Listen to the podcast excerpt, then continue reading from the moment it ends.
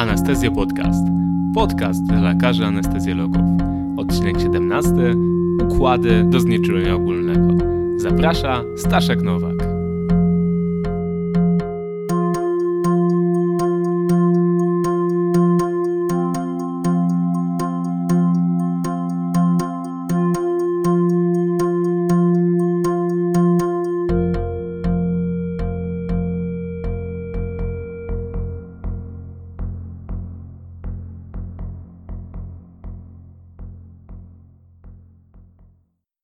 Cześć, z tej strony Staszek Nowak. Witam w kolejnym odcinku Anestezjo Podcastu.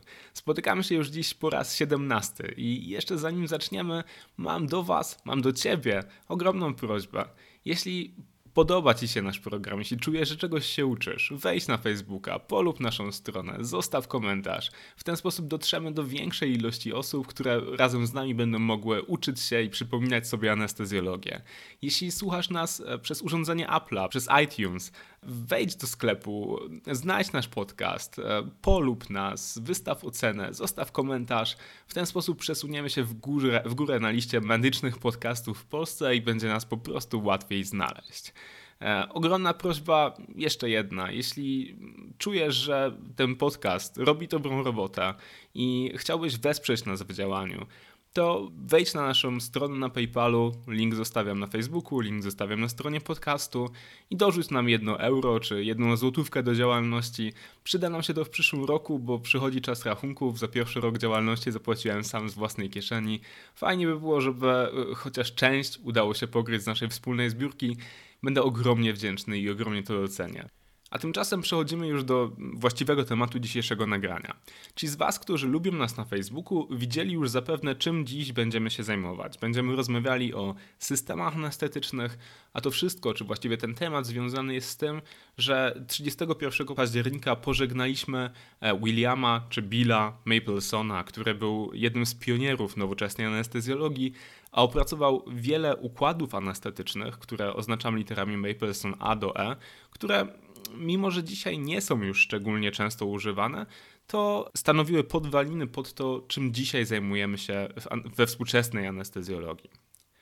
No więc taka podstawowa, gruba klasyfikacja systemów anestetycznych, która powiedzmy obowiązywała historycznie, to podział na systemy otwarte, na systemy półotwarte, półzamknięte, no i całkowicie zamknięte. W dzisiejszych czasach używanie tego podziału właściwie nie ma już wielkiego znaczenia. Natomiast tym, co ma znaczenie większe, jest podział systemów na systemy z oddechem zwrotnym i bez oddechu zwrotnego. I tymi oboma podziałami chciałbym się zająć na samym początku. No więc tylko historycznie występują już systemy anestetyczne, które były całkowicie otwarte. Co to oznacza? Oznacza to, że nie ma żadnego krążenia gazu, nie ma żadnego, de facto nie ma żadnego systemu. Mamy po prostu jakąś maskę, na którą nakrapiamy środek anestetyczny, którego dozowanie w żaden sposób nie jest możliwe dokładnie. E, nie mamy e, szczególnie kontroli nad tym, jaki skład wdychanego mm, powietrza będzie, będzie stanowił anestetyka i ile reszta mieszanki gazowej. A to, co dociera, czyli powiedzmy świeży gaz, to jest gaz, który po prostu jest znajdujący się w pomieszczeniu. E, no i stężenie środka anestetycznego jest zależne od własnego oddechu pacjenta. Trudno nazwać te właściwości zaletami, kiedy się nad tym zastanowimy, e, dlatego bardzo szybko zaczęto kombinować i opracowywać inne systemy, które pozwalały nam na lepsze prowadzenie anestezjologii. Systemy otwarte miały zastosowanie w anestezji eterowej, natomiast wszystko, co działo się później z poszczególnymi innymi gazami, to już tak naprawdę systemy półzamknięte, czy półotwarte, czy ewentualnie całkowicie zamknięte. Jeśli chodzi o systemy bez oddechu zwrotnego, to jest to tak naprawdę nazwa czy inna nazwa dla systemów półotwartych.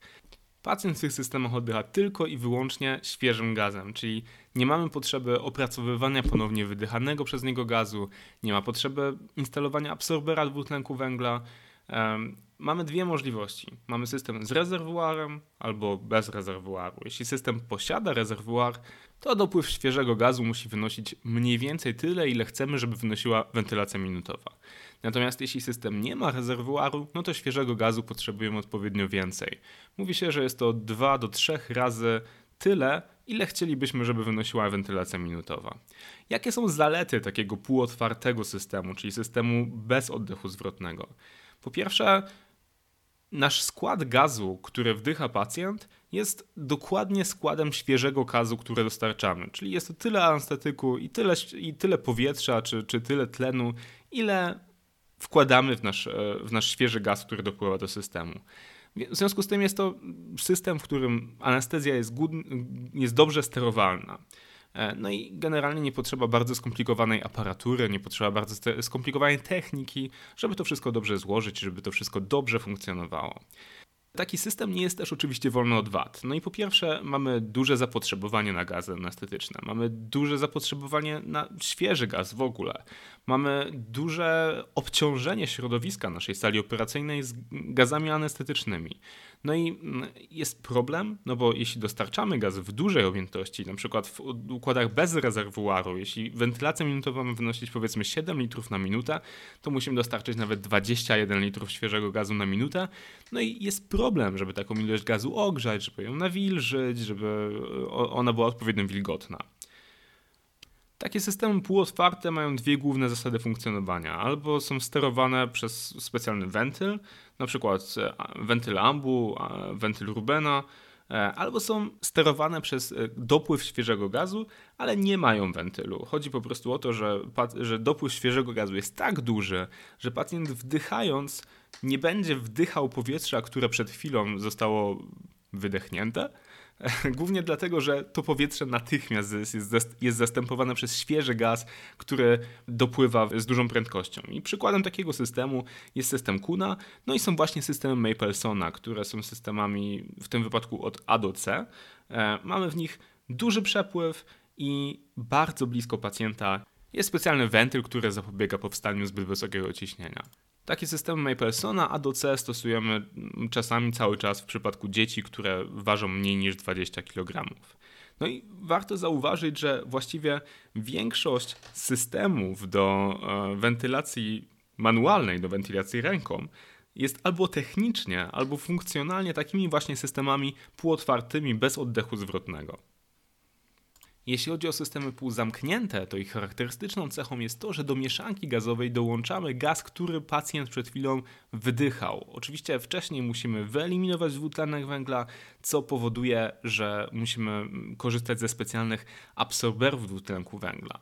To wszystko sprawia, że możemy obniżyć e, dopływ świeżego gazu, co będzie oznaczało zmniejszenie kosztów świeżego gazu, zmniejszenie kosztu gazów anestetycznych, których zużyjemy mniej, ale też mniejsze problemy z tym, żeby gaz ogrzać i nawilżyć. Co ciekawe, absorbery dwutlenku węgla, pochłaniacze dwutlenku węgla są tak zbudowane, że w wyniku reakcji chemicznych, które zachodzą, głównymi składnikami tego absorbera jest, e, jest mm, wodorotlenek sodu, jest wodorotlenek wapnia, w Stanach Zjednoczonych jest też wodorotlenek baru e, i oprócz tego w tych absorberach mamy, mamy obecność wody od 14 do 18%.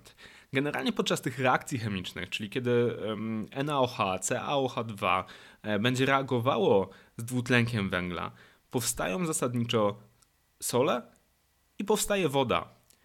I jakby cały myk polega na tym, że reakcja ta jest egzotermiczna, czyli powoduje powstanie temperatury, co oznacza, że jeśli gaz przechodzi przez pochłaniacz dwutlenku węgla, to nie dość, że prze, przechodzi bez, de facto przez wodę, to jeszcze ulega ogrzaniu, bo w, tym, bo w tym pochłaniaczu panuje wyższa temperatura na skutek zachodzących tam reakcji chemicznych.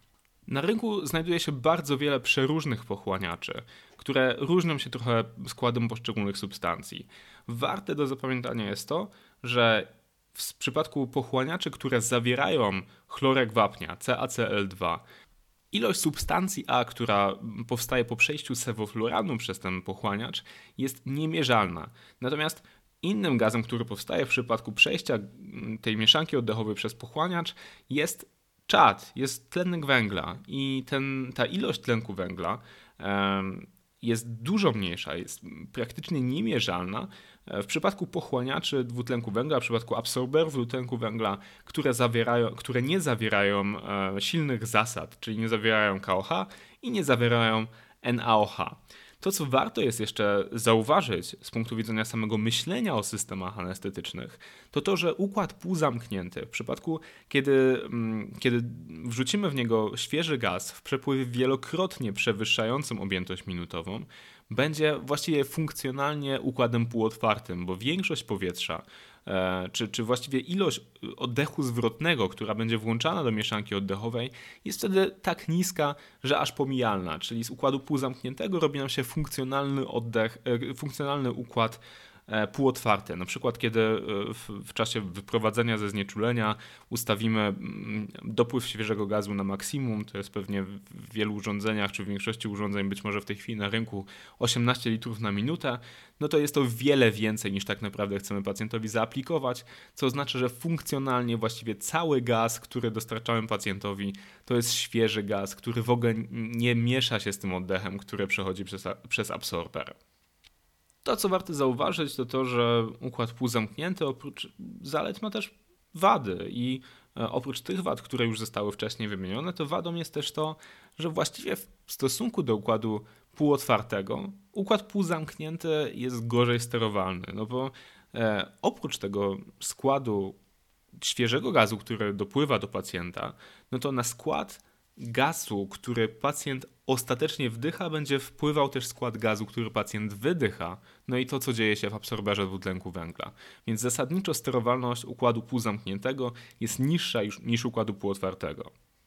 Jeśli chodzi o układ półzamknięty, to jego charakterystyką jest to, że on jest kompletnie szczelny. Jeśli jest kompletnie szczelny, to możemy pozwolić sobie na to, żeby oddech zwrotny pacjenta został całkowicie wykorzystany ponownie do kompletnego wdechu, oczywiście po eliminacji dwutlenku węgla. Co to oznacza? Oznacza to, że dopływ świeżego gazu musi być tylko taki, jak ilość tlenu, która realnie zostanie zużyta przez pacjenta. Oczywiście wszystkie te cechy charakterystyczne jest bardzo trudno spełnić. Ciężko mieć system, który jest w 100% szczelny, e, ciężko jest wyeliminować całkowicie dwutlenek węgla, ciężko jest wyliczyć, a właściwie znać, bo wyliczenie to jeszcze nie to samo, co realna ilość tlenu, którą zużywa pacjent. E, ilość tlenu, która faktycznie zostaje poddana metabolizmowi. W praktyce więc prawie wszystkie układy anestetyczne, które używamy na sali operacyjnej, to są układy półzamknięte. Kolejnym podziałem systemów anestetycznych jest to, czy zawierają one możliwość kompensacji świeżego gazu, czy takiej kompensacji nie zawierają. Jakby główną możliwością kompensacji świeżego gazu jest tak zwany rezerwuar gazowy. Wszystko rozwija się o to, że w układach bez kompensacji nie ma możliwości wykorzystania świeżego gazu, który dopływa do, do układu w fazie wydechowej, czyli kiedy pacjent wydycha powietrze. Wtedy oczywiście w całym układzie powstaje nadciśnienie i reszta gazu zostanie wyprowadzona z układu poprzez zastawkę bezpieczeństwa. Jeśli ostatecznie okaże się przez to, że doprowadzimy do układu zbyt mało świeżego gazu, no to będziemy mieli do czynienia ze smutno zwisającym workiem do wentylacji manualnej, e, co spowoduje ostatecznie zmniejszenie objętości minutowej, zmniejszenie e, szczytowego ciśnienia, zmniejszenie ciśnienia plateau i ostatecznie po prostu mniej powietrza będzie podawane pacjentowi w procesie wentylacji mechanicznej. Takimi systemami są często systemy, które działają według zasady. Tak back in bottle, e, to znaczy połączenia systemu oddechowego z aparatem znieczulenia, gdzie mamy worek zawarty w takiej komorze ciśnieniowej. E, ten worek będzie się napełniał i w momencie, kiedy do komory ciśnieniowej zostanie wprowadzone czy zostanie stworzone w tej komorze ciśnienia, e, to wywierając nacisk na worek, spowoduje ono jego zapadnięcie się i podanie objętości wdechowej pacjentowi. Oczywiście w momencie wydechu to powietrze po prostu nie ma gdzie się podziać, w związku z tym będzie odprowadzane z układu przez wentyl bezpieczeństwa. W przypadku układów z możliwością kompensacji, takim rezerwuarem będzie najczęściej po prostu worek do wentylacji ręcznej. Zastanówmy się teraz nad samym dopływem świeżego gazu na najbardziej podstawowym poziomie. Dopływ świeżego gazu możemy podzielić na ciągły i na przerywany.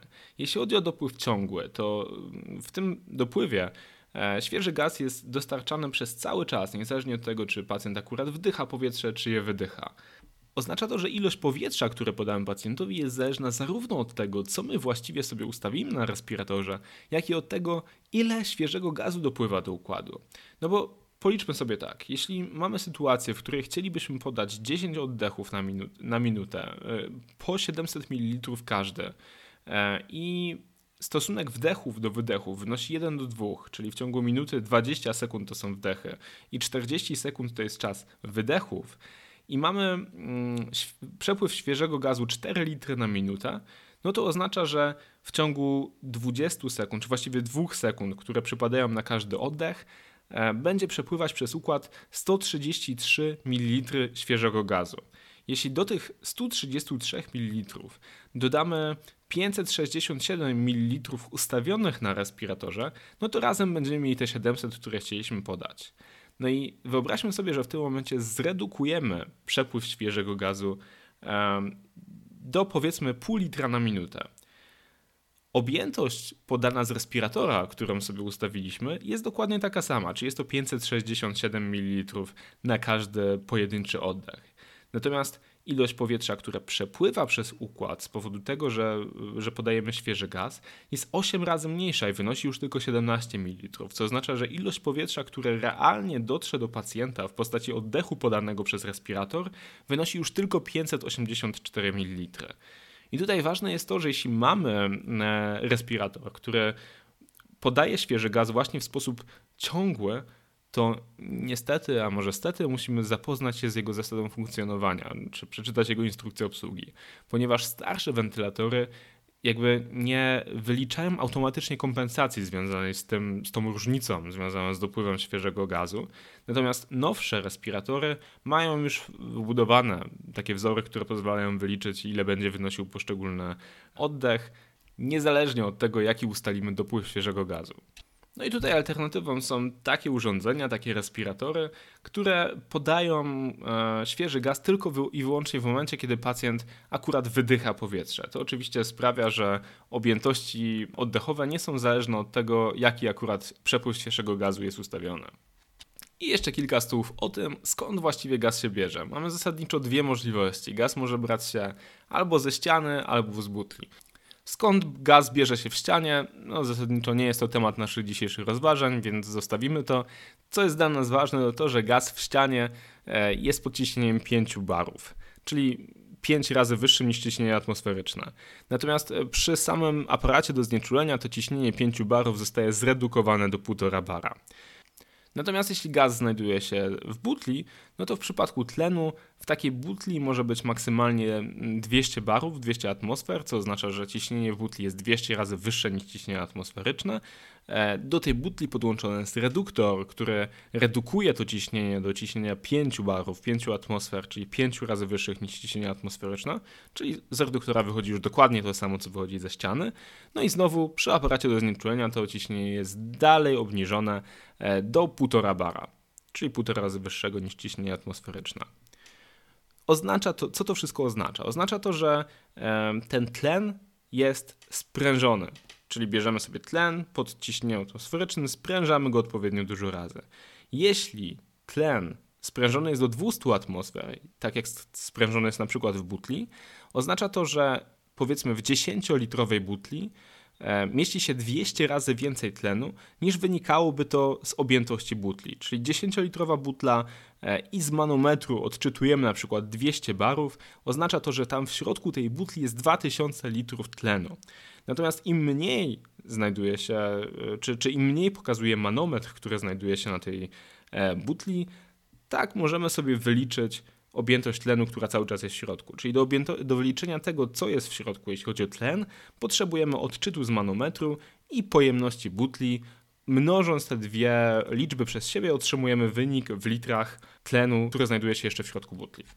Jeśli chodzi o podtlenek azotu, sytuacja jest trochę bardziej skomplikowana, no bo 75% podtlenku azotu jest w postaci płynnej w tej butli, natomiast reszta, czyli 25%, przynajmniej mniej więcej, śmiga sobie w postaci gazowej w górnej części butli. Problem jest taki, że nie da się tego dokładnie określić, czy zawartości gazu nie da się dokładnie określić na podstawie ciśnienia, które panuje w środku. Więc jeśli chcemy wiedzieć, ile dokładnie litrów podtlenku azotu znajduje się w butli, musimy butlę zważyć i wtedy porównujemy. Butla pełna waży tyle, butla pusta waży tyle, co oznacza, że w środku jest ileś kilogramów czy, czy, czy gramów tlenku azotu. I teraz to mnożymy razy 500. Czyli jeśli powiedzmy różnica między butlą pełną a butlą pustą wynosi 1 kg, to w środku będzie 500 litrów podtlenku azotu. Na tym zakończymy dzisiejszy odcinek. W kolejnym odcinku będziemy kontynuowali e, temat wentylacji mechanicznej. Powiemy sobie o tym, jakie są parowniki, jakie są zasady bezpieczeństwa, czy mm, właściwie wentyle bezpieczeństwa e, w aparatach do znieczulenia. Powiemy sobie o różnych technikach prowadzenia e, znieczulenia tak zwanego low flow, minimal flow, E, porównamy sobie wady i zalety tych technik w stosunku do technik high flow. Powiemy sobie o tym, ile właściwie tlenu i e, innych gazów, które znajdują się w mieszance oddechowej, pochłania człowiek, kiedy jest sztucznie wentylowany. E, powiemy sobie, ile pochłania właściwie gazów anestetycznych, kiedy prowadzimy znieczulenie. I powiemy sobie o tym, jak w praktyce prowadzić wentylację mechaniczną jakie są zasady, które rządzą prowadzeniem wentylacji mechanicznej w technikach low i minimal flow. Na końcu, bo myślę, że też warto poświęcić temu parę słów, opowiemy sobie, jak stosować techniki low flow w znieczuleniu dzieci. No i na koniec krótka powtórka. Dzisiaj mówiliśmy o krótkiej klasyfikacji różnych układów anestetycznych. Dzieliliśmy je historycznie na otwarte, półzamknięte, półotwarte i zamknięte. Dzieliliśmy je funkcjonalnie na układy, w których występuje oddech zwrotny i takie bez oddechu zwrotnego. No i dzieliliśmy je e, również w zależności od tego, czy mają możliwość kompensacji świeżego gazu, czy takiej kompensacji nie mają. Mówiliśmy też o technikach doprowadzania świeżego gazu i o tym, skąd właściwie biorą się gazy, które mogą być stosowane w aparacie do znieczulenia. Na dzisiaj będę się z Wami żegnał. Przypominam, jeśli podoba Wam się nasz program, polubcie naszą stronę na Facebooku, to jest dla nas ogromnie ważne. Jednocześnie tym, którzy zdecydują się dorzucić parę złotych do naszego funkcjonowania w przyszłym roku, do pokrycia kosztów serwera, na który wrzucamy nagrania, ogromnie dziękuję. To jest dla mnie ogromnie ważne i e, dzięki Wam czuję, że to, co robimy, to jest zawsze krok w dobrą stronę. A tymczasem miłego dnia, dobrej nocy, miłej reszty dyżuru, cokolwiek tam jeszcze robicie. Trzymam kciuki za wasze znieczulenia i słyszymy się już niedługo.